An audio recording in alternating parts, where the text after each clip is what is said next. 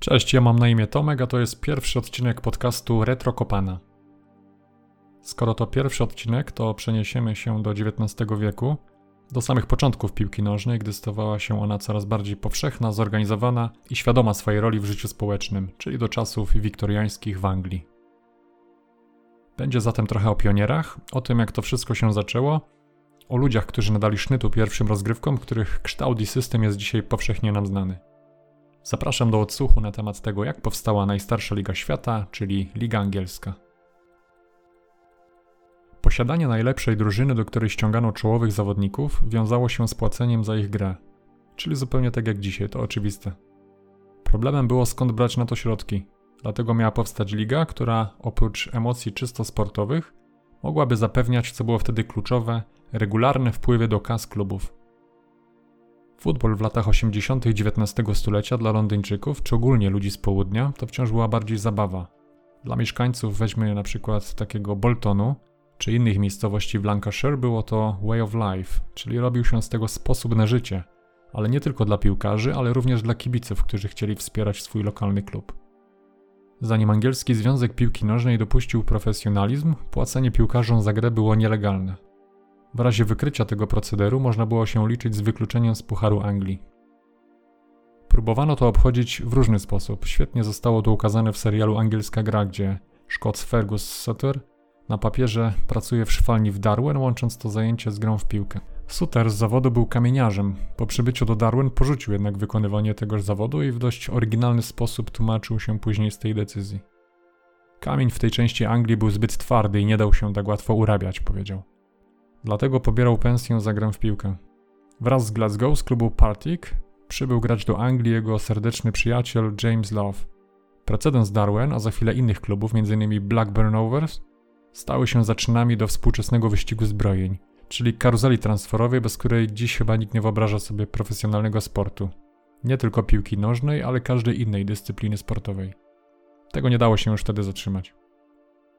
Arystokracja z południa, która posiadała w strukturach związkowych swoich przedstawicieli, uzurpowała sobie prawo do bycia wyrocznią w sprawach związanych z piłką nożną.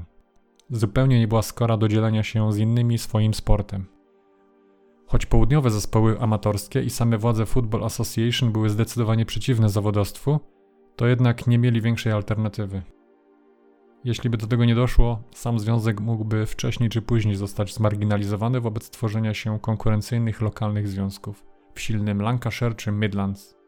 Problem groził podzieleniem związku, gdy grupa klubów, głównie właśnie z Lancashire, ogłosiła zamiar wystąpienia ze struktur FA i utworzenia konkurencyjnego brytyjskiego związku piłki nożnej, jeśli profesjonalizm nie zostanie zaakceptowany. Po czterech latach burzliwych debat, związek chyba zrozumiał, że nie ma dalej sensu kisić się we własnym sosie i ustąpił, godząc się na zalegalizowanie zawodowstwa. 20 lipca 1885 roku zwołano awaryjną konferencję FA. Reprezentujący Aston Villa Scott William McGregor, choć początkowo nie był tak entuzjastycznie nastawiony do legalizacji zawodowstwa jak na przykład William Sadler z Preston, to jednak opowiedział się za nim, a że był poważaną osobą, zatem z jego zdaniem się bardzo liczono. Był przy tym jednym z niewielu delegatów, którzy otwarcie przyznali się wtedy, że jego klub płaci zawodnikom. Konferencja zakończyła się akceptacją przez FA profesjonalizmu, chociaż początkowo ustalenia były takie, że każdy klub mógł płacić tylko zawodnikom, którzy urodzili się lub mieszkali przez co najmniej dwa lata w promieniu 6 mil od stadionu macierzystego. Ludzie zaczęli przychodzić na mecze płacąc za wejściówki właśnie po to, by zobaczyć w akcji swoich lokalnych ulubieńców oraz najlepszych najemników, którzy przyjeżdżali z innych zakątków Zjednoczonego Królestwa, licznie ze Szkocji. Szkoci otwarcie przyznawali, że skoro już wyjeżdżają za granicę, to nie po to, by grać za darmo. Można śmiało zaryzykować stwierdzenie, że w ogóle Szkoci w latach 1870-1900 przewyższali Anglików, jeśli chodzi o kulturę gry. Anglicy wciąż grali niczym chłopcy z Orlika, gdzie grało się na przykład siedmioma napastnikami, nie bacząc na obronę. Gdy prześledzimy na przykład na Wikipedii opisy meczów finałowych o Puchar Anglii z tamtego okresu, Widać, że to był raczej taki radosny, ale jednocześnie dość chaotyczny futbol. Szkoci natomiast preferowali system krótkich i częstych podań pomiędzy wszystkimi formacjami. Pierwszy mistrz Anglii Preston miał podczas inauguracyjnego sezonu ligi aż siedmiu Szkotów w swoim składzie, W latach 80. XIX wieku trzykrotny zdobywca Puchoru Anglii, wspomniany wcześniej Blackburn, również miał kilku Szkotów w składzie, a Queen's Park jako jedyny szkocki klub dwukrotnie docierał w tamtym czasie do finałów rozgrywego Puchar Anglii. Ok, ale wróćmy do tego, jak formowała się liga, której głównym pomysłodawcą okazał się nomen omen Szkot. W związku z tym, że wraz z rozwojem profesjonalizmu zaczęły pojawiać się coraz większe pieniądze, to wiadomo, że musiało się to wszystko jakoś zbilansować. Właściciele klubów, chcąc utrzymać naprawdę konkurencyjną drużynę wyróżniającą się na tle innych, musieli swoim czołowym graczom płacić. Chcąc utrzymać taki stan rzeczy, potrzebowali do tego konkretnych środków, o które było coraz trudniej. Nikogo nie zadowalały mecze towarzyskie bez konkretnej stawki, czy nawet mecze Pucharu Anglii, które zwłaszcza we wczesnych jego fazach stanowiły raczej treningi strzeleckie dla najlepszych drużyn w kraju, takich jak Preston, Notts County, Aston Villa, West Bromwich czy Wolverhampton. Przyjeżdżające ekipy zbierały często zwyczajnie oklep, narażając się raczej na drwiny i śmieszność. Wyniki dwucyfrowe zdarzały się praktycznie w każdej rundzie, a zwycięstwo Preston 26 do 0 z Hyde w 1887 roku jest po dziś rekordem Pucharu Anglii. Mało tego, bardzo często mecze kończyły się walkowerami, nawet te pucharowe, ponieważ drużyna nie było stać na przyjazd lub wybierała ona mecz z bardziej lukratywną ofertą. Nierzadko mecze odwoływano w ostatniej chwili. Stało się to szczególnie frustrujące dla Williama McGregora, sekretarza Aston Villa, gdy pewnego razu odwołano mecze przez aż pięć kolejnych sobot, w związku z tym klub nie zanotował żadnych wpływów z okazji organizacji spotkań. To przelało czary goryczy. McGregor pojął, że w takiej sytuacji nie można mówić o poczuciu bezpieczeństwa finansowego. McGregor jako pierwszy zaproponował opanowanie tego chaosu, wysuwając propozycję powołania do życia ligi. Skąd taki pomysł? Historycy mówią, że być może inspiracją było opublikowanie w angielskiej prasie w 1887 roku, cytując New York Timesa, opisu Ligi Amerykańskiego Futbolu, gdzie znajdujemy informacje, tutaj cytat, o podjęciu kroków w celu utworzenia nowej ligi wraz z harmonogramem, gdzie uczelnie wchodzące w skład ligi rozegrają po dwa mecze między sobą. Sam McGregor twierdził, że to krajowe rozgrywki krykieta były ową inspiracją dla niego.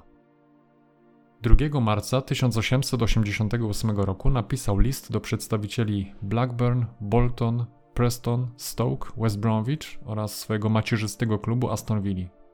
Jego treść brzmiała tak.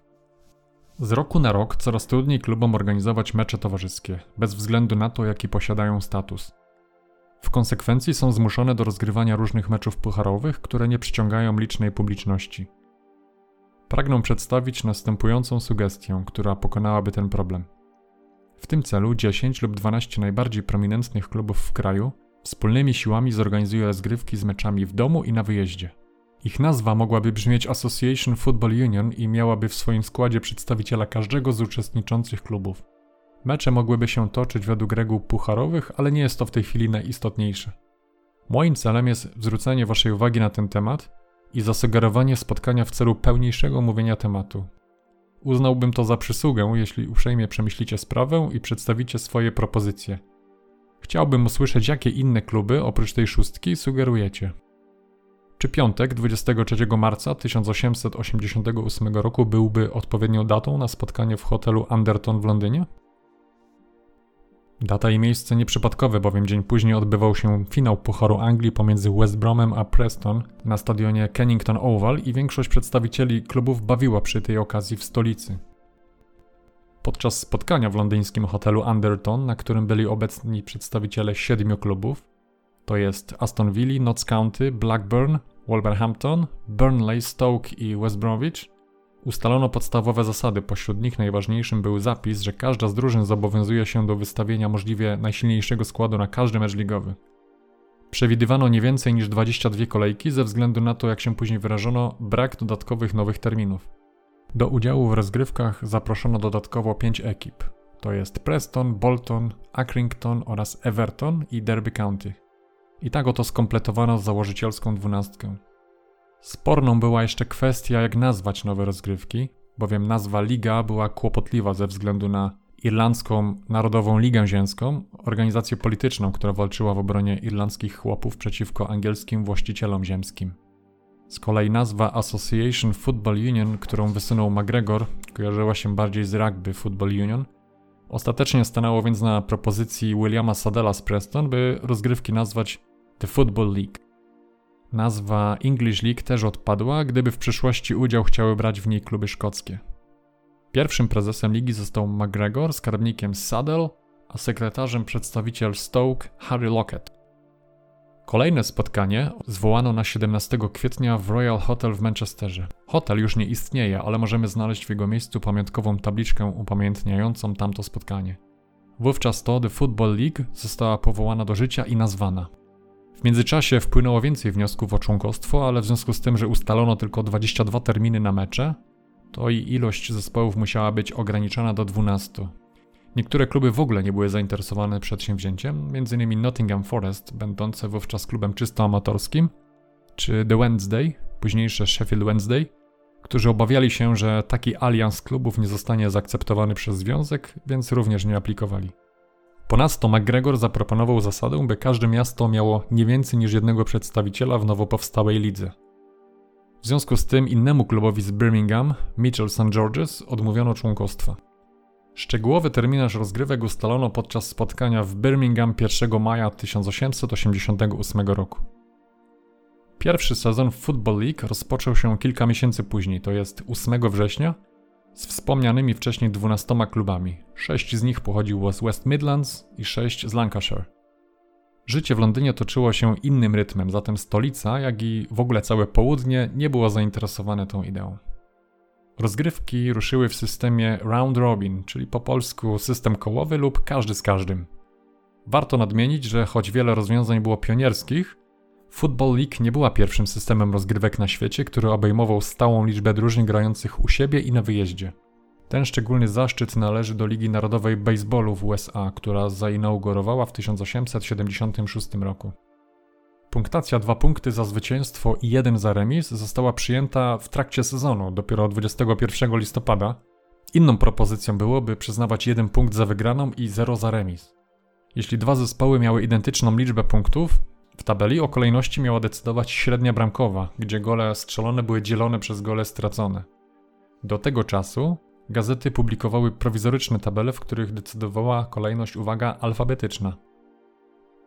Tym samym ziścił się ambitny plan McGregora i spółki. Kluby zapewniły sobie szereg gwarantowanych spotkań dla zarejestrowanych członków ligi i machina ruszyła. Pierwszym historycznym mistrzem została bezdyskusyjnie ekipa Preston, która przez cały sezon nie poniosła ani jednej porażki, zapewniając sobie tytuł już w styczniu.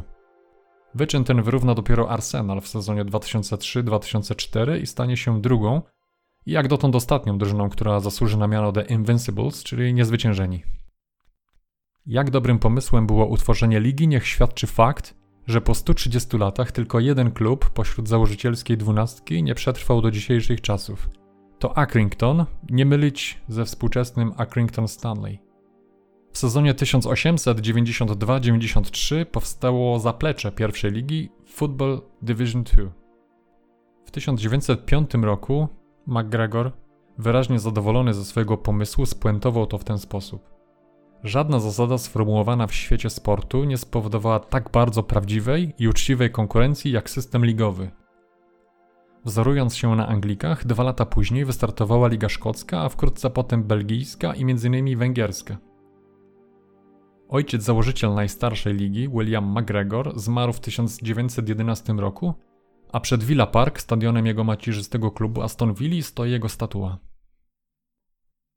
Dzięki serdeczne za uwagę. Mam nadzieję, że materiał wydał Ci się interesujący. Jeżeli tak, zasubskrybuj podcast Retrokopana.